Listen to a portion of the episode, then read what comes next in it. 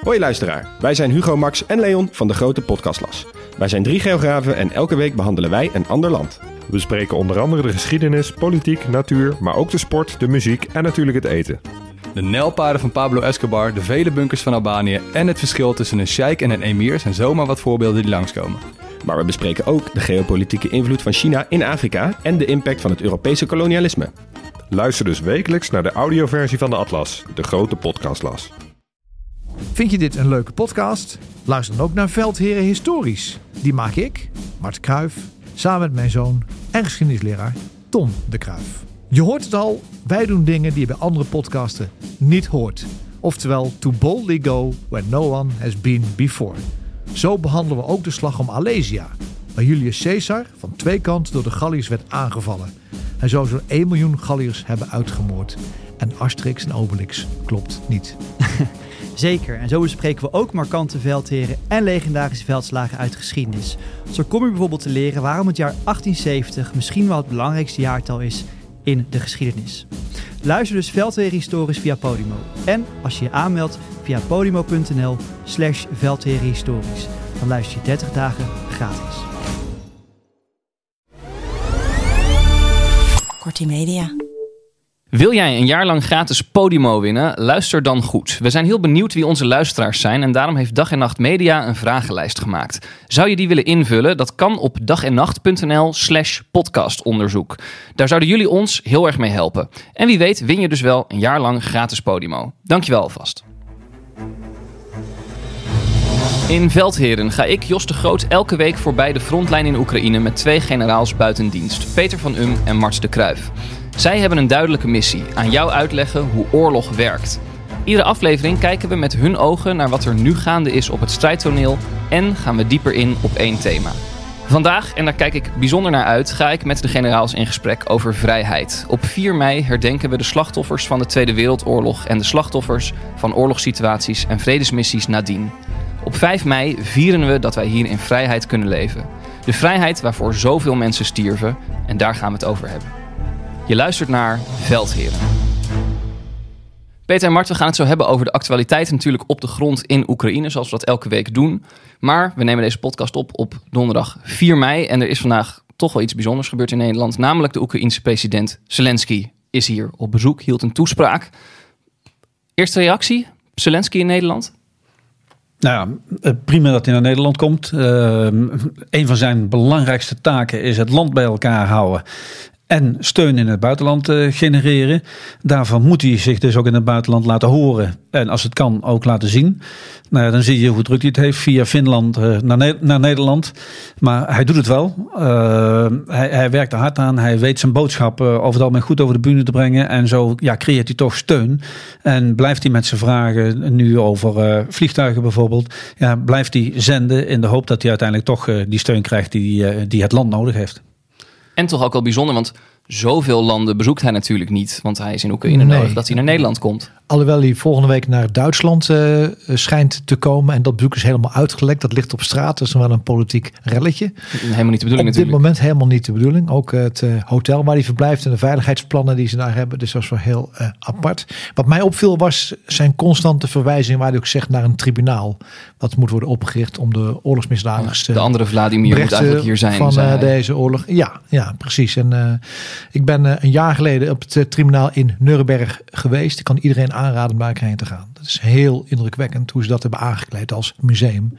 En vooral de grensloze ontkenning van een aantal kopstukken. Wat er is gebeurd, ondanks alle getuigenverklaringen maandenlang. Dat is schokkend. schokkend. De, de toespraak die um, Zelensky gaf, die had als titel Geen vrede zonder gerechtigheid. Wat vinden jullie daarvan?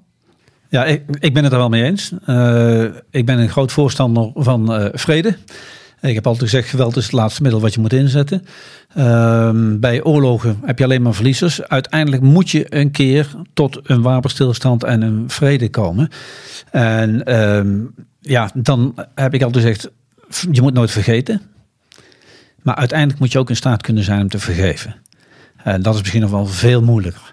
Maar bij dat vergeven moet je uh, je wel blijven realiseren dat je niet alles hoeft te vergeven echte schendingen van spelregels die we als mensheid met elkaar hebben afgesproken, daar moet recht over gesproken worden. En, maar dan is dus die, die eerst die vergelding, die is wel heel belangrijk. Want ook als ik luister naar Zelensky vandaag, de bewoordingen natuurlijk over Rusland, de agressor, de vijand, die waren stevig. Daar is, dus nu is die ruimte voor vergeving er nog niet natuurlijk. Nee, nee, nee, maar dat, dat is denk ik ook volledig begrijpelijk. En, Ja. en dat kost mensen al heel veel tijd om überhaupt die stap te kunnen maken. Eh, dus ik snap dat dat nu niet in de hoofden van de Oekraïners speelt. Maar uiteindelijk zullen ook Oekraïne en Rusland verder moeten in de wereld. Zo is het natuurlijk wel. Kijk, eh, in Bosnië maakten ze nog ruzie over de slag om het Merelveld. Zes eeuwen geleden. Eh, en dat was een van de oorzaken voor eh, de burgeroorlog die we er hebben tegengekomen. Omdat vergeving daar in de loop van de geschiedenis nooit een thema is geweest. En vergeving is cruciaal. En laten we kijken wat Adenauer hebben gedaan en Monet en Schuman na de Tweede Wereldoorlog. Om te zeggen, wij gaan bij elkaar zitten. Om die tegenstelling tussen Duitsland en Frankrijk uit de wereld helpen en elkaar te vergeven en door te gaan. Dat heeft wel geleid tot 80 jaar vrede bij ons. Ja, la- laten we één ding leren van de geschiedenis. Eh, want wat vaak zie je dat eh, na oorlogen, dan wordt, komt er iets als een wapenstilstand, vredesakkoord of wat dan ook. En in het verleden zag je dan vaak dat de verliezer, die moest ook echt weten dat hij verloren had. En die werd het fel over de oren getrokken. eh, met herstelbetalingen en noem allemaal maar op. En ja, het klassieke voorbeeld van hoe het dan fout gaat, is uiteindelijk toch het vredesakkoord na de Eerste Wereldoorlog, het akkoord van Versailles, waar de Duitsers zo als verliezer werden uitgeknepen, dat we eigenlijk de bron voor de volgende wereldoorlog al, al aan het neerzetten waren. Dus laten we die les nou eh, alsjeblieft leren. Wat overigens in dezelfde zaal werd, ge- werd getekend, de Spiegelzaal in Versailles, als waar de Fransen werden gedwongen om hun capitulatie Ja. te tekenen Ja. in 1871. Dus zo hangt alles met elkaar samen. Overigens, als je met een tribunaal begint, besef je wel dat oorlogsmisdaden nooit alleen door één partij worden begaan. We praten niet over aantallen, maar aan beide zijden moet je eerlijk zijn. Ja. Recht moet onaf- onafhankelijk zijn. Zover is natuurlijk allemaal nog niet. Ehm Zelensky vroeg vandaag begrijpelijkerwijs natuurlijk ook weer om wapens. Om meer wapens, om F-16's. Premier Rutte zei daarover, opnieuw overigens, hij zei het in januari alweer... F-16's zijn geen taboe. Ik praat erover met partnerlanden. Wat denken jullie? F-16's, ja, gaan ze er komen? Dat is natuurlijk ook een vraag die al eerder is gesteld... maar nu weer op de agenda. Ja, kijk, als zij komen, dan kopen ze pas eh, volgend jaar. Hè, Ja. Vanwege de technische mogelijkheden, de onderhoudbaarheid van eh, de vliegtuigen. Maar er zit nog iets heel anders bij. Zolang de Verenigde Staten niet meegaan met het leveren van de F-16, gaat er geen F-16 vliegen. En dat was geen land wat Rutte noemde in het rijtje. dan- Precies, want niet alleen ja. juridisch, hè, als je, als je wapens doorverkoopt, moet het land wat ze maakt daarmee instemmen. Maar vergis je niet, de F-16 ook qua onderhoud, qua logistiek en ook qua software is, is volledig Amerikaans. En als een, als een update er niet komt, dan vliegt een F-16 echt een stuk minder. Dus je bent eigenlijk volledig afhankelijk van de steun van de Verenigde Staten in deze. En dat bepalen Denemarken, België en Nederland niet in deze. Maar we hebben wel vaker gezegd dat Zelensky ook echt wel aan de toekomst denkt.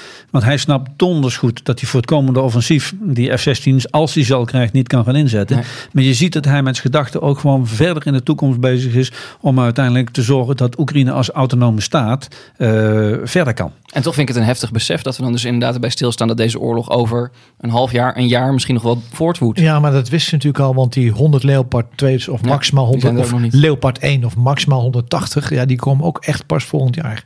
Dus ziet dat ze vooruit aan het plannen zijn. En je niet, hè, de Russische industrie die produceert ook nu 20 T90 tanks per eh, week schijnt het. Dus dat is aardig. Laten we, laten we naar het front gaan. Laten we Ja, naar ik ben toch nog even, want Oh, Mart, nee, we gaan brengt, niet naar het front. Mart brengt de, de tank nog even te sprake. En een van de luisteraars, die eh, ja, na de vorige uitzending, eh, ja, die herinnerde mij nog even aan iets. En die, zei, en, en die zei, er is eigenlijk wel een aparte parallel gaande. Want eh, in de Tweede Wereldoorlog was het zo dat de Duitsers hadden de kwalitatief betere tanks. En de geallieerden hadden er meer, maar die waren kwalitatief minder. Dus de kwantiteit lag aan de kant van de geallieerden en de kwaliteit lag aan de kant van de Duitsers. Uiteindelijk hebben de Duitsers wel verloren. Als je met dat beeld nu naar de huidige situatie kijkt, zie je dat de Oekraïners nu veel westerse tanks krijgen die kwalitatief beter zijn, maar de Russen hebben kwantiteit. Die hebben veel meer tanks. Dus als we die parallel doortrekken, ja, dan gaat het niet goed voor de Oekraïners. En ook hier. eh, Is dat, kun, je die parallel maken? Nee, ik denk dat je die parallel niet kunt maken. Maar een van de luisteraars eh, eh, die kwam dat echt bij mij ja, even aandragen. Ja.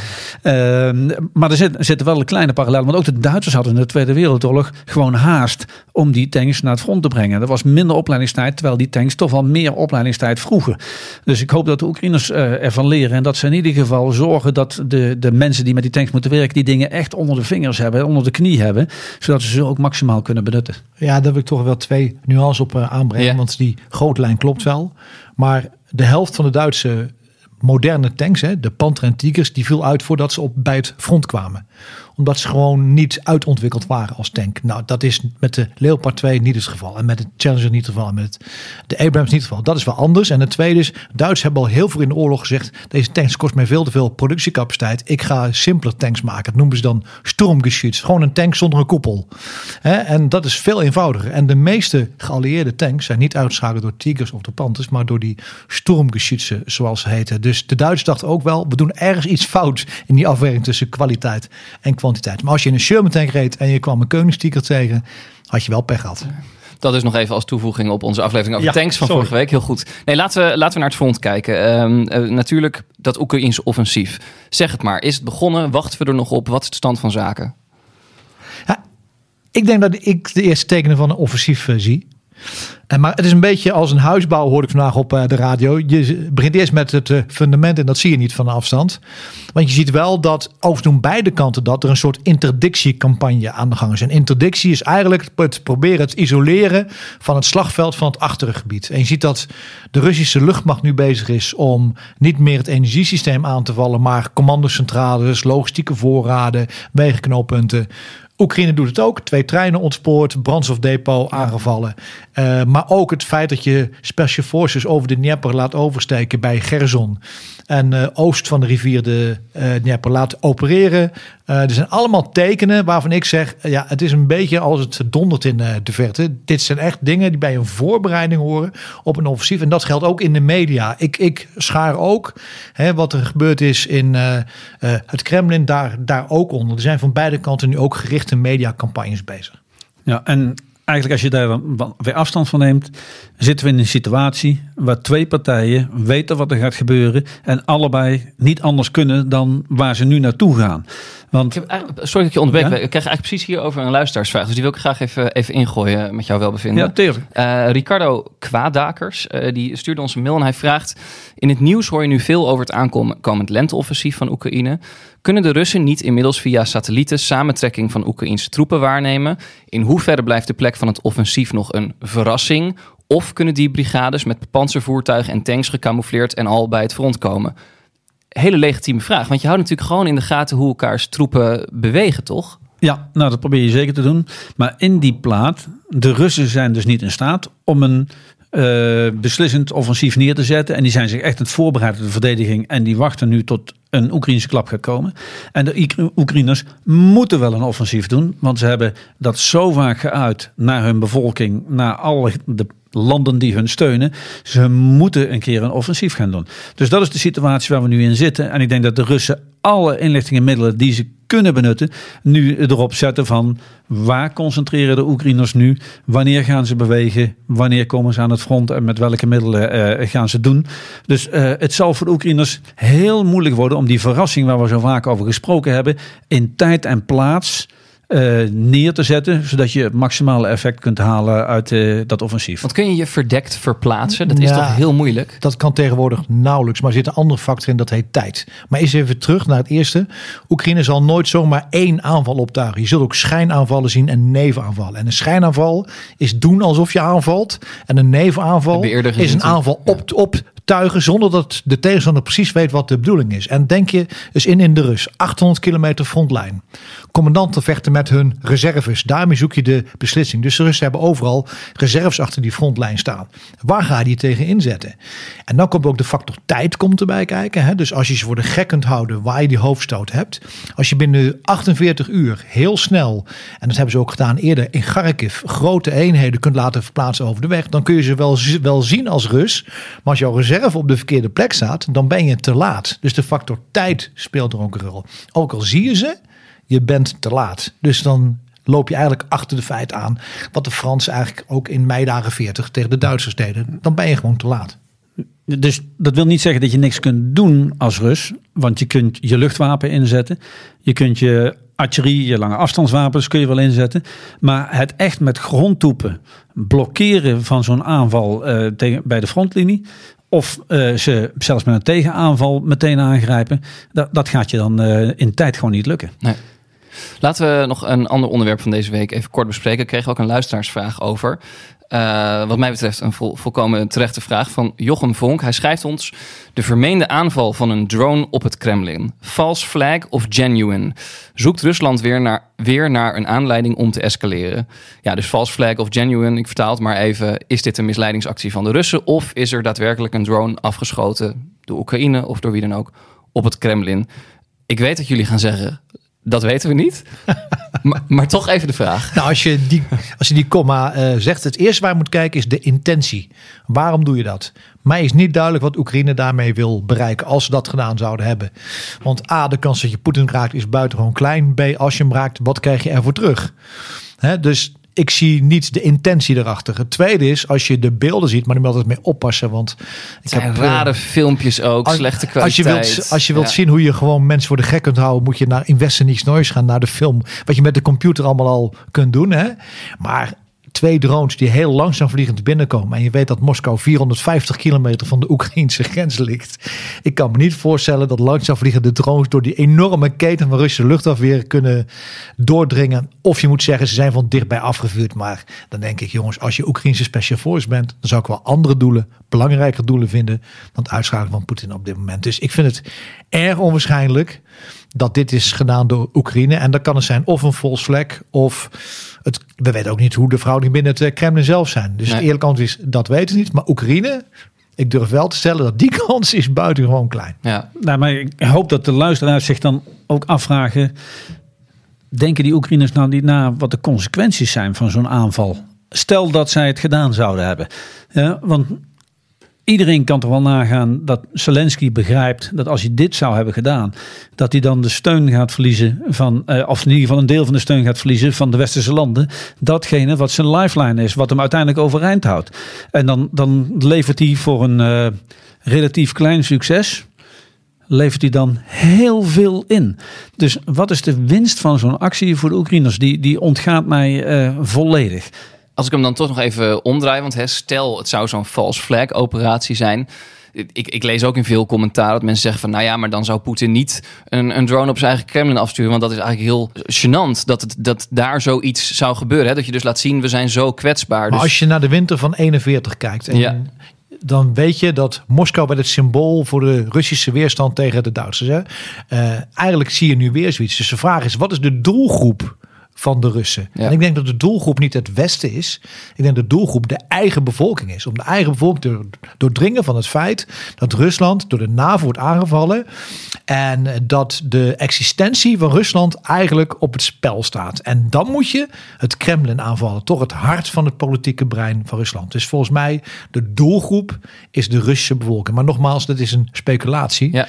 Maar de parallellen in de geschiedenis en de symbolische waarde van Moskou, ja, die kun je niet ontkennen. Ja, wij, gaan het dadelijk over vrijheid hebben. Je moet je ook eh, in die discussie de vraag stellen wat de vrijheid van de gemiddelde Rus is. Ja, wij nemen deze aflevering van Veldheren op op 4 mei. Misschien luister je naar ons op 5 mei. Twee dagen natuurlijk waarop we in Nederland veel over oorlog en over vrijheid nadenken en erover praten. Ehm, het Nationaal Comité 4 en 5 mei die he- heeft altijd een thema rondom die dagen elk jaar. Ehm, dit jaar is dat thema leven met oorlog. Hoe interpreteren jullie dat?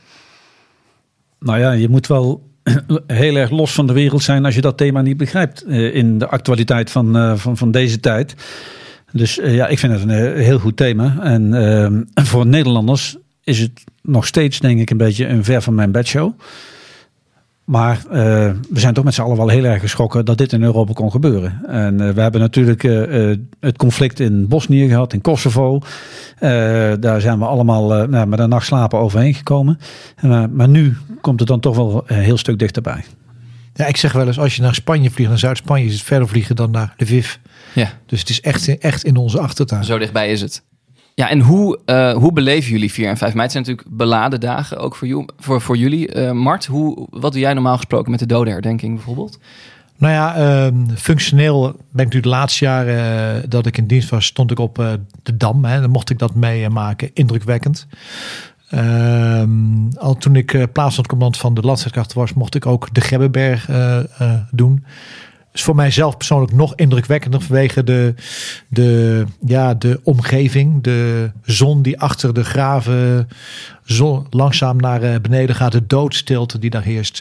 En omdat het ook heel nabij is. Hè, 500 soldaten, mijn collega's zeg maar, die daar gewoon liggen. Zo zie je het ook echt. Ja, zo zie ik het echt, ja. Uh, en uh, ik ga altijd, uh, als het kan, ga ik naar een plaatselijke herdenking. Als het niet wordt uitgenodigd om ergens te gaan spreken. Dus ik, ik vind het fantastisch om bijvoorbeeld bij uh, de herdenking in, uh, in Hummelo of in Keppel te zijn. Met plaatselijke muziek die wordt opgetrommeld. Die het Wilhelmus enigszins vervormt.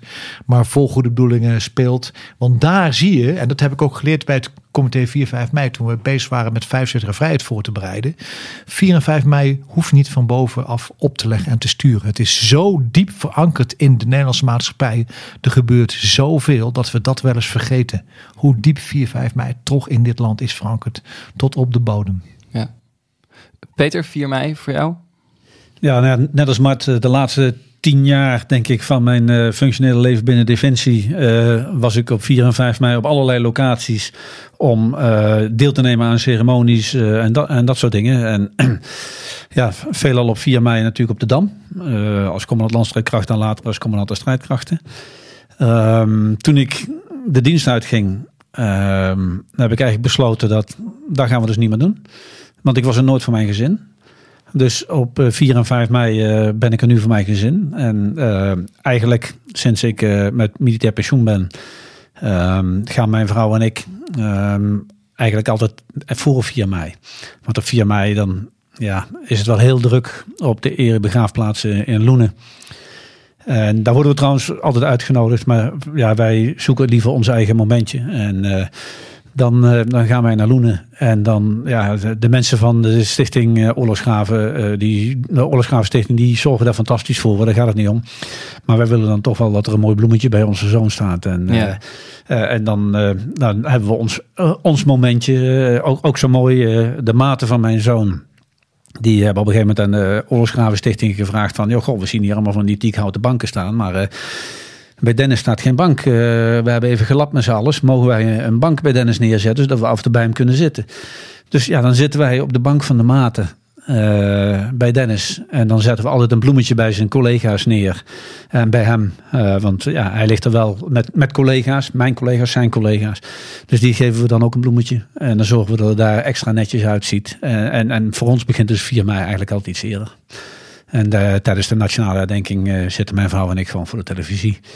En daarna hebben we ons moment van bezinning. Ja, ja. Het is trouwens wel een functioneel bankje hoor. Want als ik op de racefiets een toertje ga doen, dan uh, ga ik daar even op zitten. Het is eerlijk om... altijd even langs Loenen. Net halverwege, als ik naar ga altijd langs doen, altijd langs de begraafplaats. Mooi. Altijd. Ja. Vanavond natuurlijk dat moment om, om acht uur. Vandaag was er dan die speech van Zelensky. Um, en hij zei: herdenk vanavond ook de mannen, vrouwen, volwassen kinderen die nog geleefd hadden als er nu geen oorlog was. Um, denken jullie ook aan hen? Ja hoor. Ik, wel, ik, ik zit daar niet op het bankje alleen aan mijn zoon te denken. Ik denk ook aan uh, de verhalen van mijn vader. Uh, um, ik denk aan de andere collega's die we in ieder geval in mijn tijd als, als commandant hebben verloren. Ik denk aan de jongen die ik in Libanon heb verloren.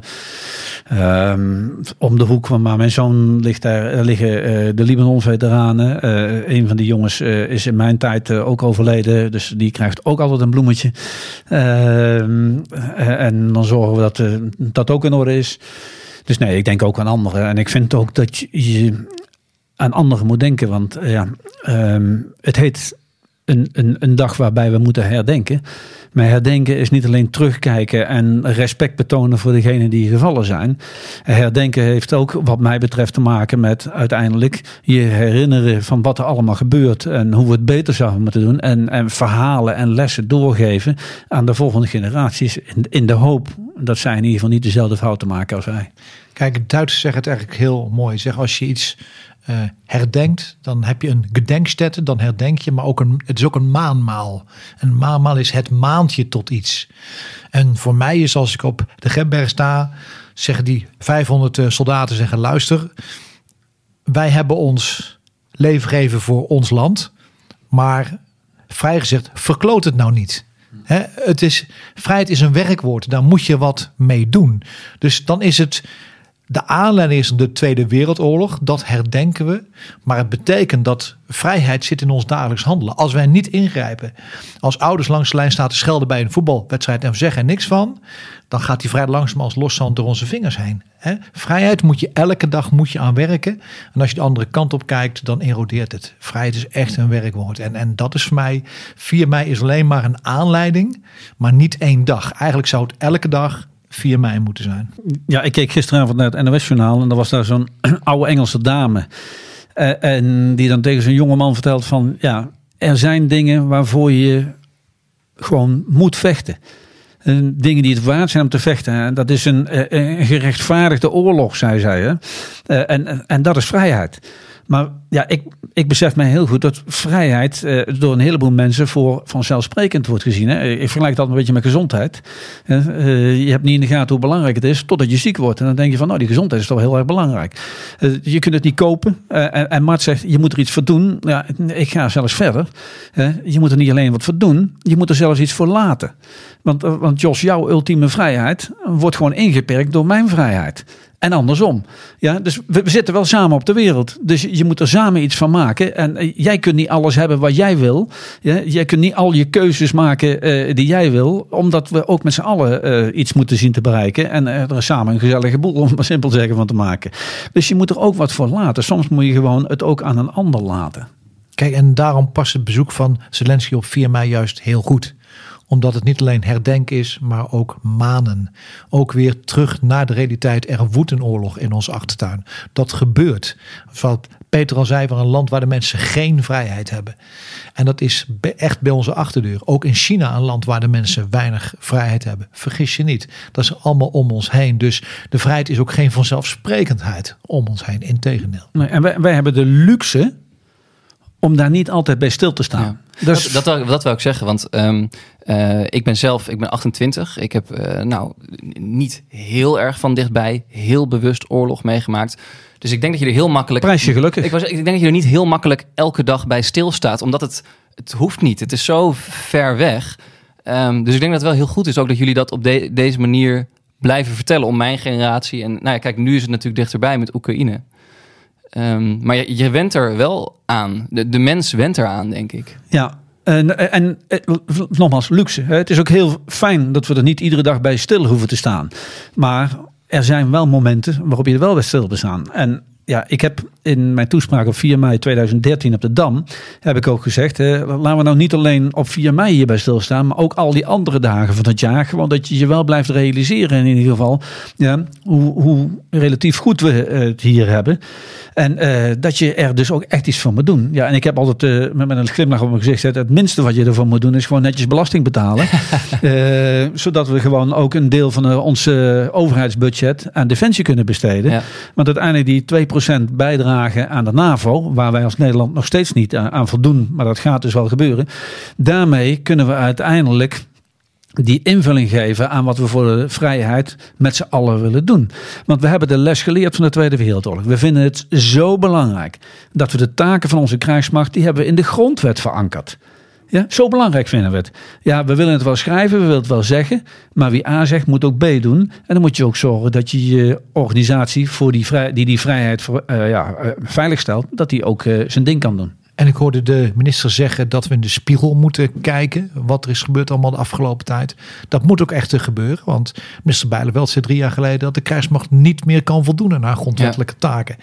Dat is echt buitengewoon ernstig. Dat is eigenlijk een directe bedreiging voor de vrijheid die wij hebben. Dus ik hoop dat we ook echt in de spiegel gaan kijken. En ja, als het een beetje mee zit, tenminste dat hoop ik echt, dan uh, gaan we ook over een aantal jaren een film maken over uh, de Gebberg, wat daar is gebeurd. Ja, want, want dat laat eigenlijk ook zien, het is echt een symbool Want vertel nog even, Mart, je, je ja. zei net al, je bent graag daar bij die herdenking. Ja. Omdat het een mooie uh, plek maar, is. Maar ik weet ook dat het verhaal van die Gebberberg, dat inspireert jou heel erg. Nou, Waarom is dat? Kijk, het, dat is eigenlijk, zoals Duits zeggen, weer een maanmaal. Hè. Daar hadden we een krijgsmacht die niet voor de taak was voorbereid. Wat, nog even kort, wat gebeurde daar precies? Nou, de, de Gebberg was eigenlijk de beslissende slag. Uh, dat in de, in de verdediging van Nederland was het scharnierpunt de Gebberg. En eh, als die zou vallen, zou Nederland eigenlijk vallen. En dat is eigenlijk ook gebeurd. En eh, in tien dagen, 11, 12, 13 mei, is die slag eh, daar gevoerd door, door, door duizenden Nederlandse en duizenden Duitse soldaten. En, en daar is eigenlijk alles wat een oorlog in een mens naar boven brengt, kon je daar zien. Eh, heldenmoed, lafheid, eh, angst, doodsangst. Maar wel een, een krijgsmacht die ook toen niet in staat was, nog niet e- even close, om de taak te kunnen uitvoeren die ze hadden. Daar hebben wel 500 jongens daar met hun leven voor betaald. Dat geeft ook een diepe verantwoordelijkheid, ook naar nu toe.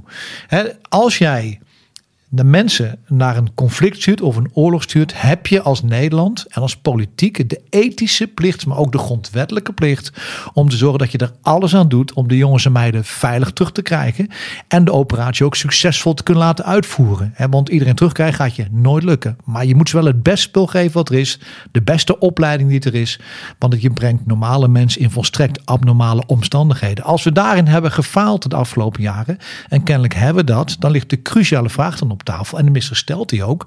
Wat gaan we daarvan leren om te voorkomen dat we over tien jaar weer in dezelfde situatie zitten? Dus maak nou die 2% van Peter, maak nou geen conjunctuur iets, maar maak dat structureel als jouw fundament voor de vrijheid. Daar gaat het om. Want als je vrede wilt bewaren, moet je voorbereiden op de oorlog. On that note wil ik even naar 2012 met jou, Peter. Jij eh, hield toen jouw TED-talk. Dat is een, vol- volgens mij wordt het dan de toespraak van je leven genoemd door de organisatie zelf. Jij stond op een podium. Jij stond met een geweer op dat podium. Ehm, de titel was Why I Chose the Gun, waarom jij het wapen koos. Die video van jouw toespraak staat nog steeds op YouTube, is miljoenen keren bekeken. En daarin zet je eigenlijk heel erg jouw gedachten uiteen over vrijheid en over de rol van, van de krijgsmacht, hè, het belang van die krijgsmacht daarin. Zonder de TED-talk over te doen, want daar moeten we zeker niet aankomen. Wa- Wat is precies wat jij daar over het voetlicht hebt willen brengen? Nou, de essentie was uiteindelijk dat een democratisch gecontroleerde krijgsmacht is een force for good, zo heb ik, daar neergezet. Eh, Ik heb aangegeven wat mijn drijfveren waren om te kiezen voor dat wapen. Eh, en- en dus ja, veel mensen kijken ook naar de krijgsmacht toch een beetje met een ja, angstige blik. Maar de boodschap is, als er een door het volk gekozen regering en dan heb ik het echt over democratie en niet zoals de regering in Rusland wordt gekozen door het volk. Dat is een andere vorm, eh, dat noemen ze democratie, maar dat is het niet. Maar echt in een democratische vorm een regering wordt gekozen die controle uitoefent over een krijgsmacht, dan kun je de goede dingen voor de wereld doen. En eh, nou ja, ik heb daar toen voor gekozen om eh, de mensen een beetje te chockeren. En dus heel bewust met een wapen het podium eh, op te komen. En eh, je zag dan ook dat die hele zaal, die, die schrok gewoon. Want wij in Nederland zijn dat helemaal niet gewend. Ja? En eh, ja, dan doe je ook een oproep om eigenlijk de krijgsmacht te steunen. En ja, dat is een van de dingen waarvan ik zeg, ja, dat moet je dus doen voor een vrijheid zoals Mart zegt. Je moet uiteindelijk je wel voorbereiden op een oorlog. En ja, ik, ik vind het nog steeds een... een, een schitterende eh, quote. Maar ik liep op een gegeven moment in mijn leven een keer tegen eh, een eh, verhaal aan van Yehuda Bauer. En Yehuda Bauer is een Israëlische professor die de Holocaust bestudeerd heeft. En, en die man zegt dus dat de, de tien geboden, die zijn eigenlijk niet genoeg. Er zou een elfde gebod aan moeten worden toegevoegd. En dat elfde gebod luidt volgens hem, gij zult geen dader zijn, gij zult geen slachtoffer zijn, maar gij zult ook geen toeschouwer zijn. Dus je moet wat doen als je onrecht ziet. Nou, en ehm, daar hebben we het vandaag al, eigenlijk over. Want ook als jij ziet dat vrijheid of vrede van een ander in het geding is, dan moet je wat doen. Eh, je hoeft niet gelijk mee te gaan vechten, maar je kunt wel dat land steunen. Nou, in dat, in dat opzicht vind ik het eh, ehm, erg goed dat eh, Zelensky ook dit jaar, of nu eigenlijk in Nederland was. Weet je, en, dat is ook het verschil tussen normen en waarden en deugden. En normen en waarden krijgen van de maatschappij mee, van onze ouders mee, op school mee, zijn bijna allemaal hetzelfde. Maar de vraag is, wat doe je ermee met die normen en waarden? We hebben al gezegd over de scheld nou eens op het eh, voetbalveld. Maar een collega van mij zegt, denk in, er ligt een auto in het water. Er staan honderd mensen omheen, die vinden het allemaal slecht. Normen en waarden. Hoeveel mensen springen in het water? Deugd. Er is echt een verschil als je normen en waarden niet kunt omzetten als deugd. En dat is mij ook 4 mei, dat we even aan denken. Ja, dan eh verdampt de vrijheid waar je bij staat. Is dat inzicht over vrijheid en, en hoe nauw dat samenhangt met, met die krijgsmacht Was dat voor jullie ook al een factor toen je koos voor de krijgsmacht als, als jonge jongen? Of is dat een soort inzicht wat met de jaren groeit? Nou, mijn vader, maar dat besefte ik pas achteraf, die is eh, in 1942 opgepakt en eh, drie jaar als dwangarbeider eh, in Duitsland moeten werken bij de Daimler fabrieken op de proefstand van de motoren voor de Messerschmitt 109 en 110. Zuid van Berlijn in uh, Groosberen. En die, en die is bevrijd tussen aanstekers door de Russen die daar ongelooflijk hebben huisgehouden naar de bevolking. Alle, alle wraakgedachten daar gebotvierd. Uh, hij heeft er eigenlijk nooit over gepraat, maar hij nam wel mij mee. Dus een van de eerste dingen die ik weet, naar de Airborne begraafplaats in Oosterbeek. En ik weet nog dat hij, dat hij zoiets zei van, let op hè, uh, vrijheid heeft een prijs, zoiets zeiden. Mijn vader is in 1980 overleden, dus zat ik al op de KMA. Maar nadat ik ouder werd en op missie ging en met geweld te maken kreeg en haat te maken kreeg en verliezen te maken kreeg, merk je wel, ja, er zit een dieper fundament dat je bent gaan dienen dan avontuur en spanning en uitdaging. Ik durf te zeggen dat elke militair die in dienst gaat ook iets heeft van, ja, luister, uh, soms moet je het goede doen. En je kunt wel thuis blijven op de bank zitten, een biertje kijken, voetbal kijken. Uiteindelijk wordt de wereld daar niet beter van. Je hebt ook mensen nodig die zeggen, en nou is genoeg, ik ga wat doen. Hoe was dat voor jou, Peter? Ja, bij mij speelde de, de rol van de ouders er ook wel, uh, uh, ja, was heel belangrijk.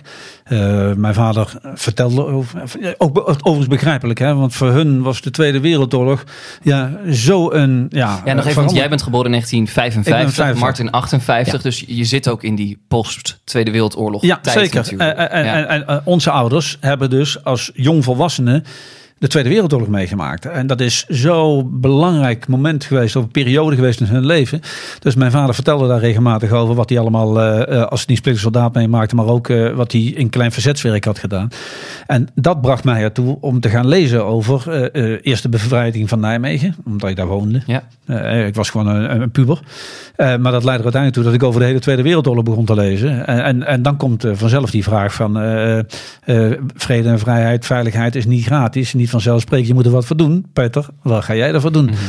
En toen koos ik, uh, net zoals Mart hoor, ik wilde ook avonturen en spannende dingen doen. Uh, maar, maar er zat wel uh, het puberale ideaal bij. Van je moet opstaan, je moet wat doen. je moet je schouders ergens onder zetten. En dat kwam dus prima samen door te proberen om, om officier te worden. En, en dan ga je door je carrière heen. En dan kom je op plekken. En dan zie je gewoon wat onvrijheid is. Wat de ellende van oorlog is. Dan zie je ook dat wij soms ja, het is niet zo mooi weer, laten we maar niet gaan stemmen. Terwijl in die landen mensen gewoon een dag lopen of uren in de rij staan om hun stemmen uit te kunnen brengen.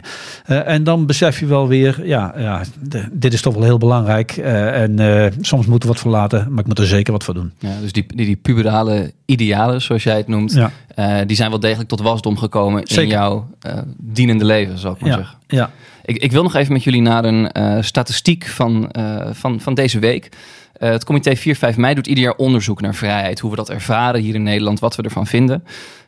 Uit dat onderzoek, interessante uitkomst, denk ik, om even bij stil te staan op de vraag: hoe, ben, uh, hoe bang bent u dat er de komende vijf jaar een oorlog uitbreekt waarbij Nederland betrokken raakt of waarbij mensen betrokken raken met wie u zich verbonden voelt?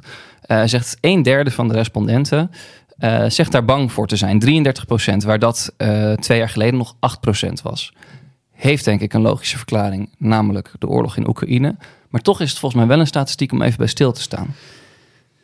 Ja, het is natuurlijk, net je zegt, heel, heel, logisch dat mensen zich zorgen maken. Zeker als uh, iemand aan de boom van de nucleaire wapens uh, regelmatig loopt te rammelen.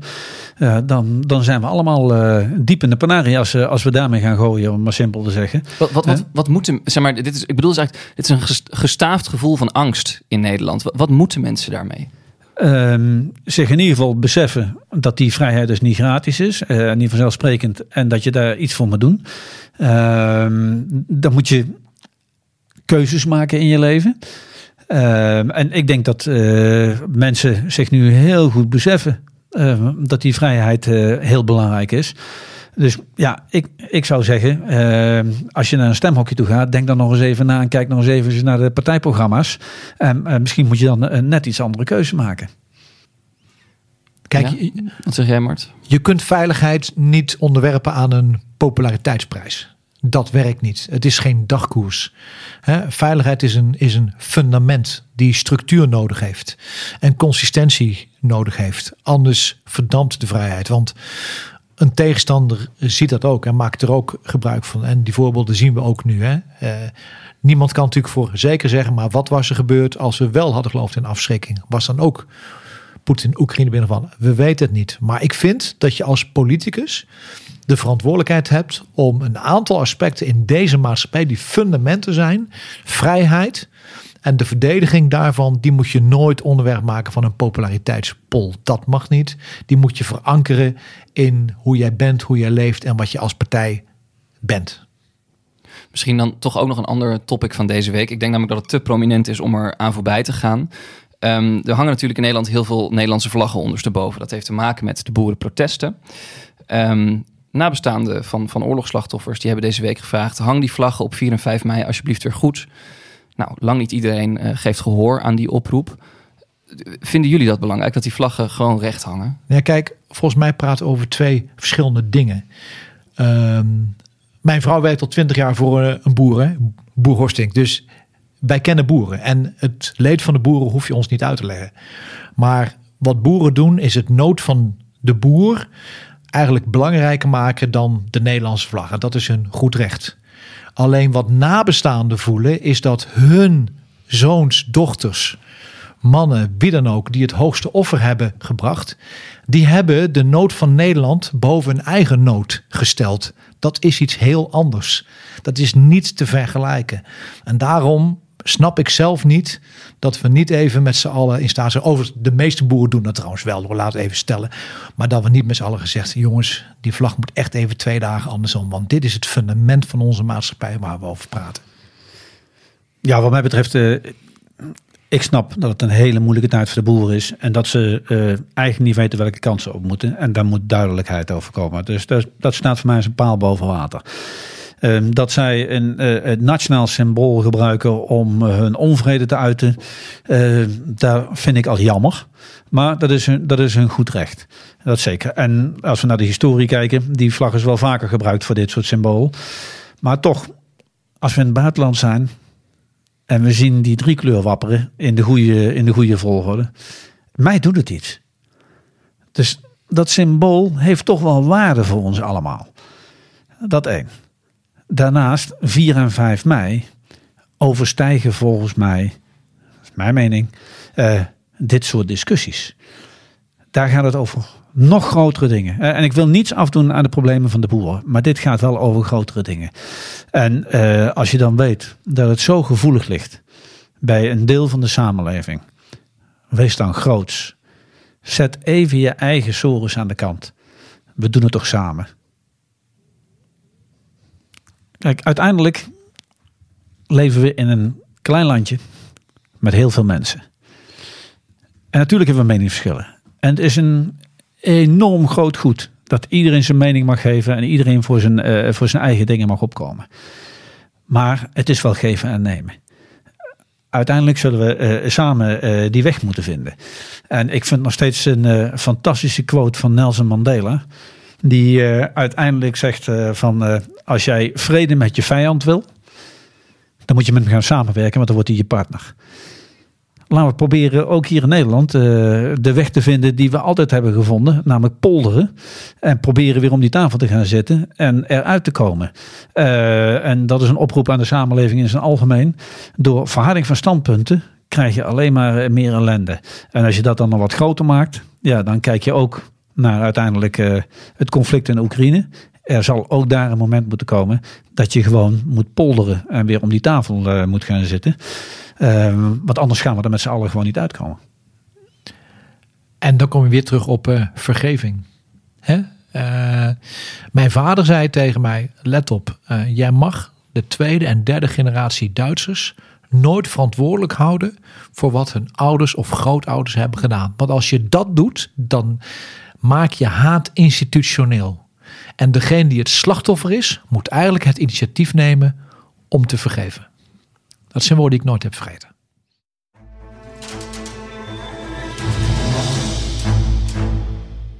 Laten we naar volgende week gaan kijken. De oorlog in Oekraïne woedt helaas voort. Waar gaan jullie op letten? En ja, ik, ik zie dus de eerste fase van het eh, offensief met het afgrendelen van het eh, gevechtsveld. Dat kan komende week, kan het offensief echt starten. Maar dan nog hebben we een aantal dagen nodig om te kijken, is er echt wel een offensief? Want let op, ik zeg al, het begint met schijnaanvallen, nevenaanvallen. In de pers worden voor de gek gehouden. We hebben echt een week, misschien wel twee weken nodig om te weten, A, is het begonnen? En B, waar ligt dat zwaartepunt? Waar gaan ze dan heen? Wat gaan ze doen? Gaan ze naar Luhansk of gaan ze de bevoorradingslijnen over eh, de zee van Azov net noord ervan doorknippen? Dat weten we niet, naar de Krim. Maar iets gaat er gebeuren. Er zijn mensen die zeggen, er gaat niets gebeuren.